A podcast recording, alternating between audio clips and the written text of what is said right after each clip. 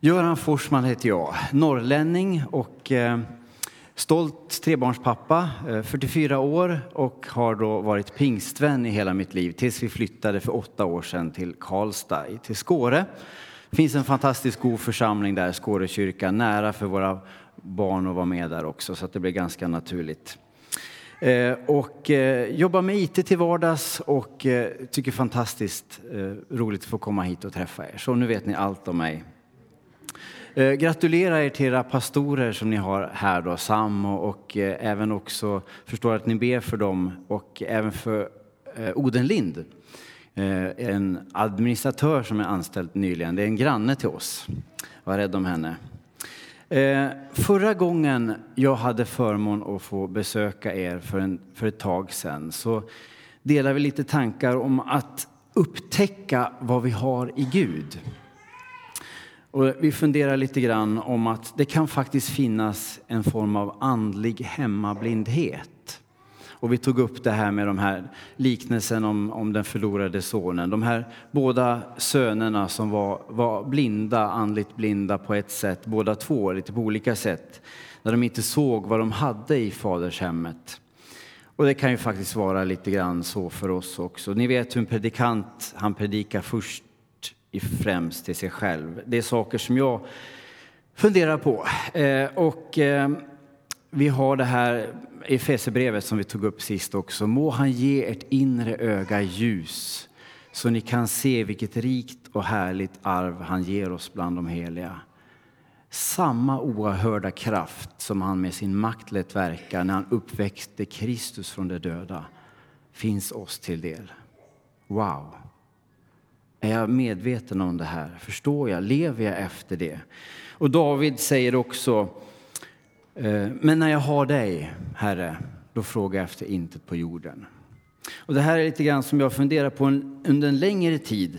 Och om ni nu inte har något emot det så, så skulle jag önska att få delvis fortsätta på den tråden med rubriken med Gud, Men Gud ger växten. Jag har gjort någon bild här också, får se om den kommer upp. Men Gud ger växten. Eh, över våra kyrkor idag så talas det om budskapet Sänd mig. Men jag tänkte vara lite olydig och istället prata om det här med att, att Gud ger växten. För tänk så många gånger vi, Göran, kämpar i egen kraft. Eh, det vi ska läsa är från första Korinthierbrevet. Och vi kan ta från kapitel 3, första Korinthierbrevet 3 och framåt. Jag kan ta från vers 2. Tänk nu att det är Paulus som skriver det här till en av de församlingar som han har grundat. Det är liksom den känslan han har inför dem. Han har lämnat dem nu och vill deras väl, att de ska fortsätta och, och växa. Eh, inte bara an, i antal. För ofta när vi tänker växt i församlingen, då ska vi bli många. Eh, men det kan vara också naturligtvis fråga om, om, om en inre tillväxt. Eh, eh, och då står det så här från vers 2. Jag gav er mjölk, inte fast föda, den tålde ni ännu inte, och ni tål den inte heller nu, eftersom ni fortfarande är kvar i er gamla natur. För om det finns ofördragsamhet och strid hos er, hur ska då er gamla, människa, men, eh, gamla natur eh, och lever på vanligt vis. När den ene säger jag hör till Paulus och den andra jag hör till Apollo, är ni då inte som alla andra? Vad är Apollo och vad är Paulus? Tjänare som har fört er till tro, var och en med den gåva som man har fått av Herren. Jag planterade, Apollo vattnade, men Gud gav växten. Varken den som planterar eller den som vattnar betyder något, bara Gud, han som ger växten. Och den som planterar och den som vattnar är ett. Men var och en ska få sin lön för sitt, för sitt arbete. Vi är ju Guds medarbetare och ni är Guds åker, ett bygge. Tack vare den nåd Gud har gett mig så har jag som en klok byggmästare lagt en grund som någon annan får bygga vidare på. Men var och en måste tänka hur han bygger. Ingen kan lägga en annan grund än den som redan finns och den är Jesus Kristus. Amen. Vi ber. Älskade Jesus, tack att vi får samlas inför ditt ord idag. Tack att vi får läsa och uppmuntras av att du vill leda oss varje dag, till och med varje steg, där du omsluter oss på alla sidor. Du vet, som vi läste i salmen här, allt om oss. Eh, och det är så skönt att veta. Du ser våra, när vi lyckas, du ser när vi misslyckas och vi får bara landa skönt i din nåd. Tack för den här underbara stunden tillsammans. Amen.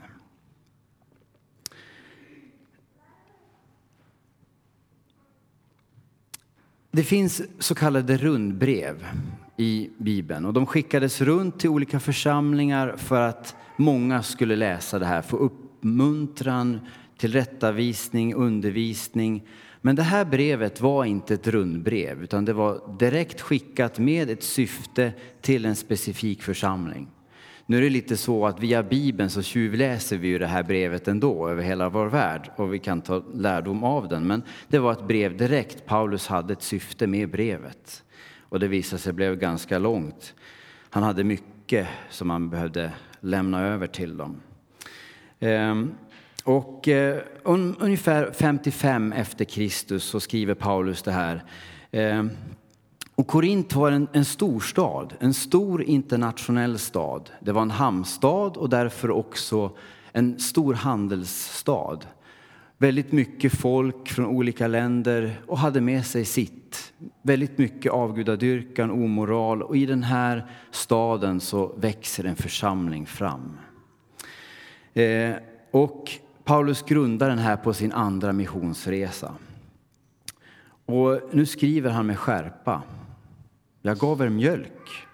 Har ni inte kommit längre? Kan ni samtidigt höra tonen från en kärleksfull far? En nyckelvers som han har lyft ur det här det är Mina kära bröder, jag ber er i vår Herre Jesu Kristi namn att se till att vara eniga så att inte församlingen splittras. Ni måste vara överens och ha samma mål. Det är bakgrunden, nyckelversen till det här. Om vi backar tillbaka till första kapitlet där bara så börjar Paulus inte att skälla ut dem. Han brinner av att få, få komma till rätta med det han har fått höra. Men han börjar att berömma dem. Jag tackar Gud för er, säger han i kapitel 1.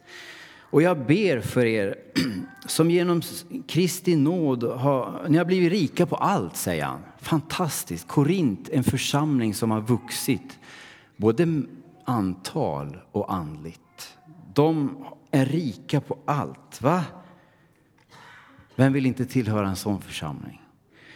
Ni är rika på all slags tal, all slags kunskap. Ty vittnesbördet om Kristus har nått en sån fasthet hos er att ni inte saknar någonting i era nådegåvor.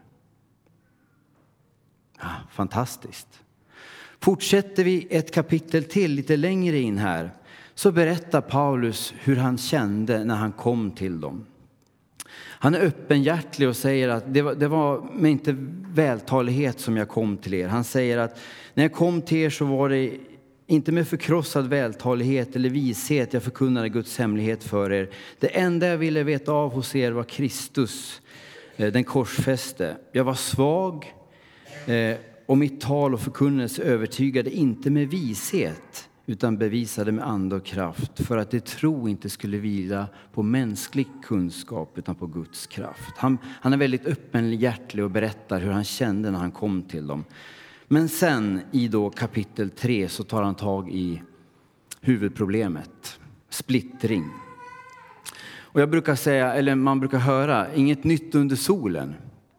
Eh, och eh, eh, här bråkade man alltså vilken ledare man skulle följa.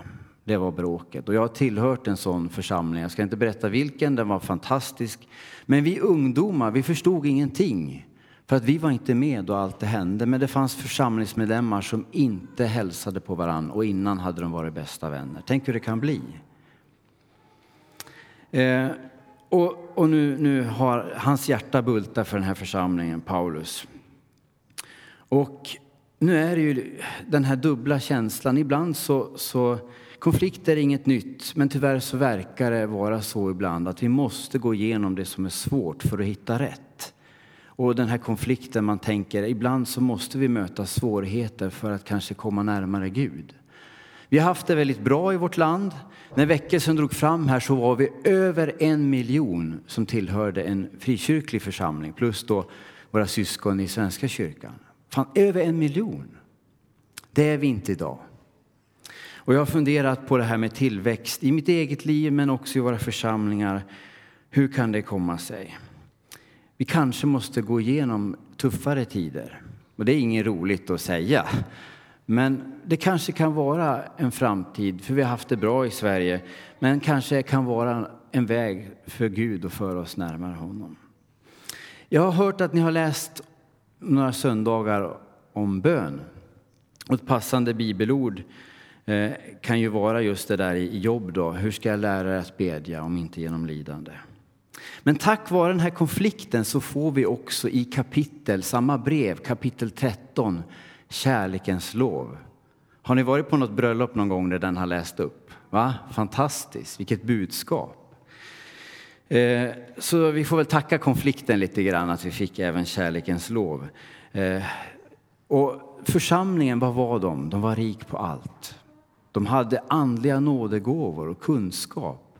Och så säger Paulus det att även om vi hade allt det här om vi, om vi till och med gav ut allt vi ägde men saknade kärlek så skulle musiken bara bli skrammel. Ingenting värt. Så hade de växt i församlingen i Korint. Jag skulle vilja lyfta fram det här helt kort. Att det här kan vi ha, prata om väldigt länge, men helt kort lyfta fram om att Gud ger växten i våra församlingar men också i våra egna liv. Nu är det ju sommar, härligt, och jag har om, om några timmar som sagt var börjat min semester på, på riktigt. Jag hoppas verkligen att det blir fint väder. En, en årstid när naturen blommar ut i sin fulla kraft. Gud ger växten, det är ju fantastiskt. Allt som har dött liksom växer till liv. Sån kraft att de här små maskrosorna kan växa upp genom asfalten. Det är, det är kraft. Jag, Paulus, jag planterade. Apollo, han kom sen och vattnade, men Gud ger växten. Ett underbart budskap när vi inte riktigt ser de här fyllda kyrkorna och man, man talar om att Sverige är mest det sekulariserade landet i, i Norden. Men Gud, han brukar inte stressa. Ett träd som växer fort blir ofta svagt. Och det står att han ska fullborda sitt verk och det har han inte gjort än. Så det ska bli spännande att leva, hörni. Ehm, jag märker också hur Paulus är kvar lite grann i kapitel 3 här, eh, som han redan tar upp i kapitel 1 om det här med splittringen. Han ger en tillrättavisning och säger ni beter er som ni inte har anden, ni är omogna. Ehm, och han tar ner sig själv och Apollo på jorden och säger att vi är bara tjänare, eller faktiskt ordagrant slavar. Med olika uppgifter, jag planterade, Apollo vattnade, det vill säga jag Paulus, jag startade församlingen men Apollo kom senare och undervisade. Den som planterar och vattnar är ett, som det står i vers 8. Och vi ser hur Paulus fullkomligt river ner alla försök att skapa skillnader mellan honom och Apollo. Han är livrädd för splittring i den här goa församlingen. Och han fortsätter i vers 9 17 att ge en bild på församlingen som växer. Och en av dem är att ni är en Guds åker. Känner vi oss som en åker här nu? Jag har faktiskt varit med om, jag är ingen bonde, men jag har faktiskt varit med om det och det är ett slitgöra. att få bort de här stora stenarna från åkern för att förbereda jorden för att det ska bli, bli rik växtlighet. Eh, ni är Guds åker. Och där knyter Paulus an till en otroligt stark bild om Israels folk som Guds vingård. Och Paulus visar att den kristna församlingen är bestående av både judar och hedningar och tillsammans så är vi ett Guds folk där vi är en åker som får jobba.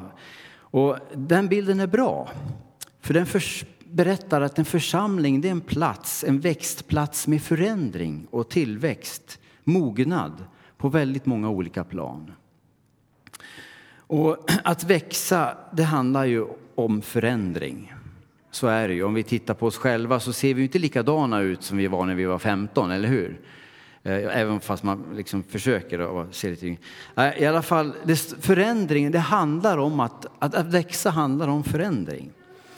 Eh, alltså inget, inget konserverande eller statiskt. Vi pratar om människor, så tvärtom. Församlingen är en plats där vi faktiskt riskerar kanske att få lite smuts under naglarna och få jobba lite grann. Eh, en förändring. Paulus säger också det, låt det förvandlas genom förnyelsen av era tankar som ni kan avgöra vad som är Guds vilja, det som är gott. Ehm, men tillväxten, den står Gud för. Vi kan inte dra folk in i Guds rike. Eh, vi kan inte med våra ansträngningar få en församling att växa. Bara, vi kan bara förbereda den här jorden.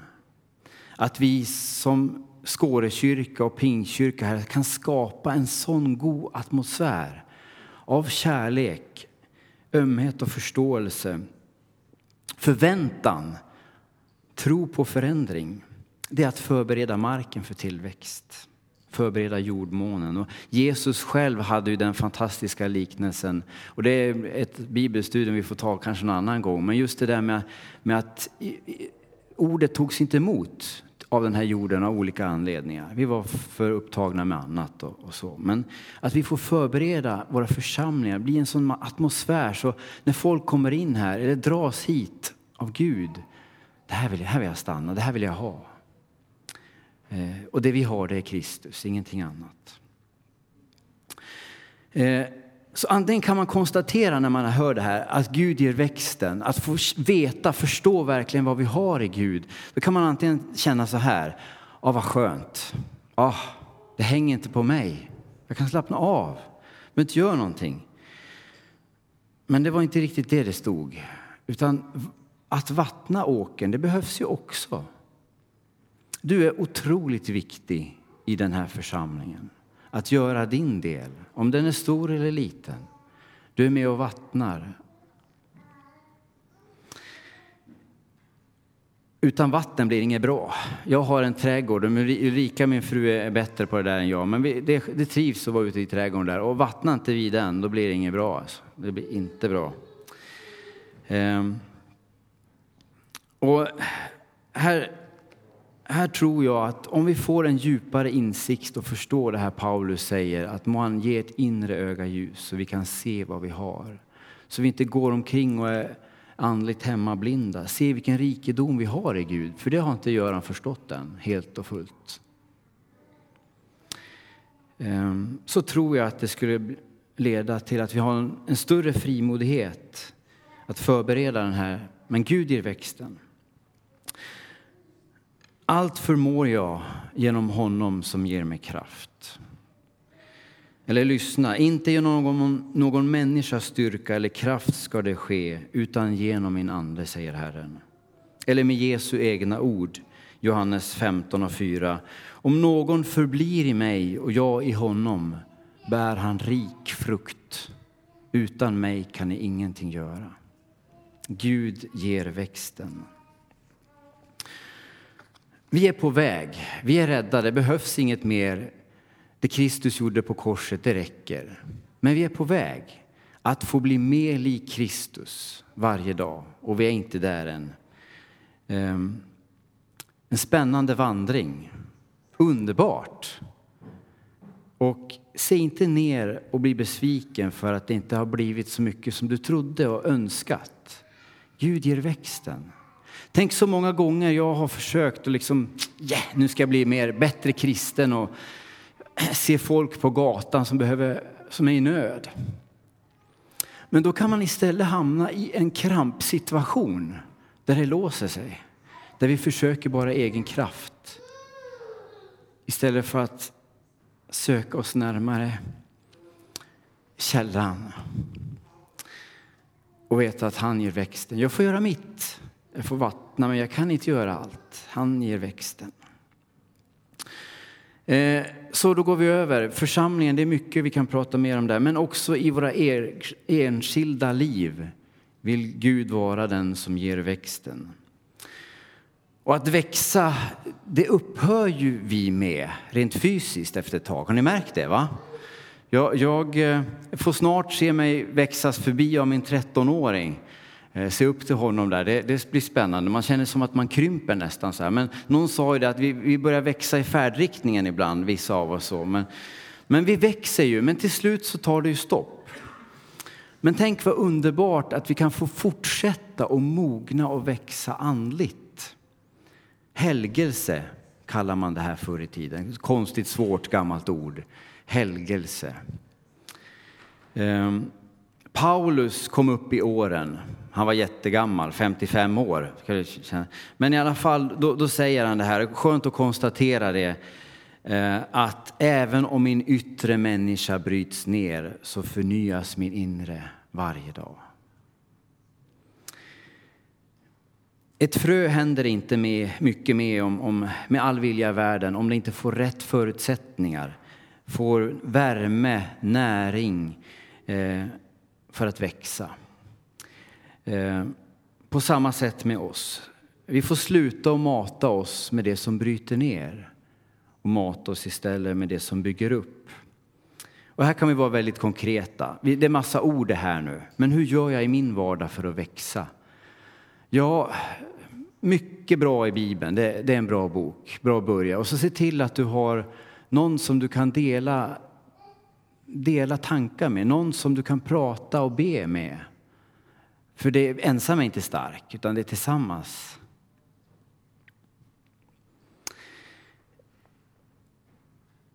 Och en förutsättning, tror jag, är att vi ser mer på, på Jesus. Eh, att få inse vad vi äger i honom. Då skulle vi nog agera allihopa med större frimodighet. Är det någon som tror att vi behöver bli påminna om det här? Det här har jag hört många gånger. Um, herdepojken visste vem som stod vid hans sida när han skulle strida mot jätten Goliat. Minns ni vad han sa? Från söndagsskolan. Du kommer emot mig med svärd, spjut och lans. Men jag kommer emot dig i Herren Sebots namn. Att veta om vad man har. Att få hålla i en hand som är starkare än min egen. Några år senare av framgång hade herdepojken blivit kung. Så reflekterar David, samma David. Jag sa när det gick mig väl, jag ska inte vackla. Men då dolde du ditt ansikte för mig, Herre. Och då blev jag rädd. Han hade upptäckt sitt beroende av Gud, sin utsatthet utan livsgivaren. Och jag önskar ibland att vi verkligen fick, att vi inte hamnar i den här krampen, men också att vi inte sökte så mycket gåvorna att vi missade givaren. Ordet beroende, det kan ju klinga lite olika i våra öron, eller hur? Eh, dels som någonting negativt. Det är en last som jag har som jag inte kan bli av med. Det är någonting som jag gör fast jag inte vill ett negativt beroende. Och det här behöver ju inte vara missbruk av droger, alkohol, sex eller spelmissbruk. Det kan vara stoltheten att klara sig själv. Från det här lilla barnets oskyldiga kan själv till att det har blivit en livsstil. Man vill visa sig duktig och fått för sig att, att det är någonting fult att vara beroende av någon annan. En stolthet, och man, det är lite skamligt att be någon annan om hjälp. Nu har jag det så kämpigt. Kan du hjälpa mig? Återigen citera det här som jag pratade om förra gången, Efesebrevet. Eh, Må han ge ert inre öga ljus så ni kan se vilket rikt och härligt arv han ger oss bland de heliga. Samma oerhörda kraft som han med sin makt lät verka när han uppväckte Kristus från de döda finns oss till del. Ändå försöker vi så mycket i egen kraft. Och jag vet, det är inte lätt. Och då gör han, det kan väl inte vara något fel med att ha gott självförtroende. Till och med president Barack Obama säger ju då Yes, we can.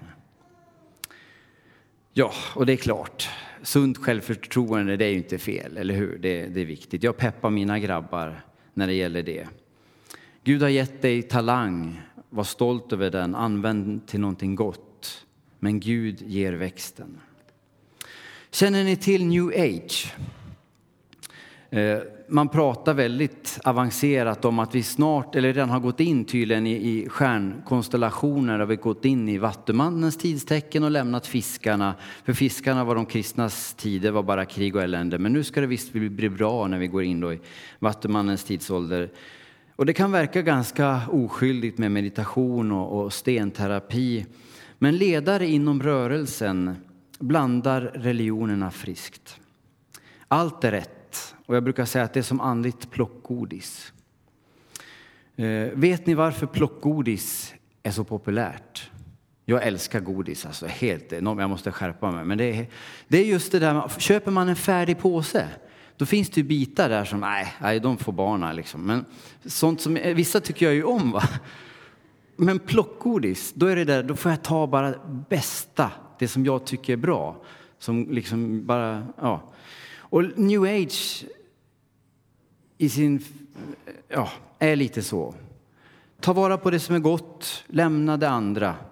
Eh, inom rörelsen pratas det aldrig om att göra upp med sin synd, att förlåta eller att bli förlåten. Medlemmar där uppmanas att söka sin inre styrka. Och det låter ju fint.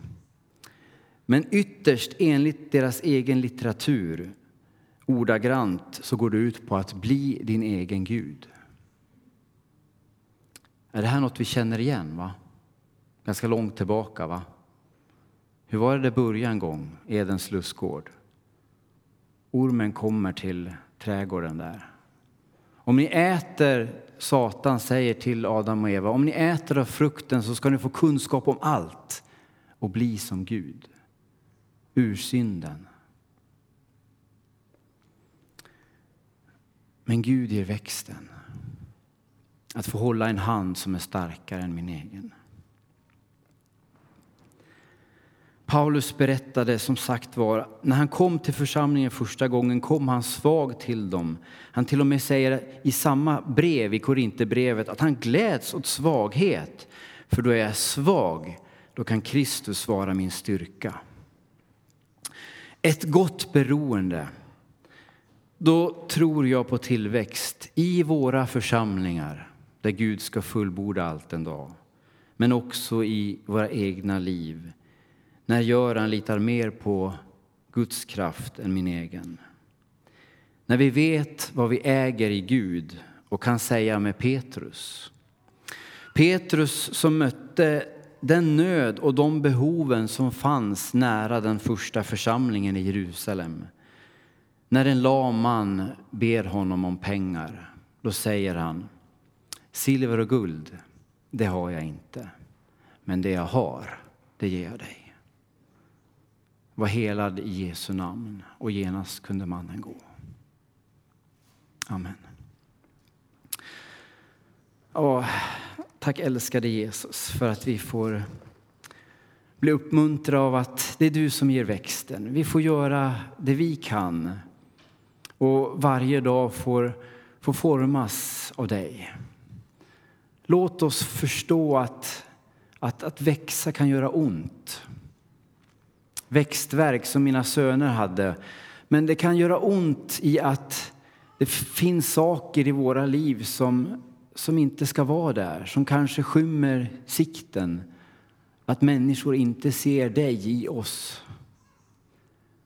Forma oss, Herre, och gör oss mer lik dig. Låt oss få växa i våra församlingar, i antal, i andlig mognad, i våra enskilda liv så vi får blomma ut i den vackra blomma som du tänkte att vi ska vara.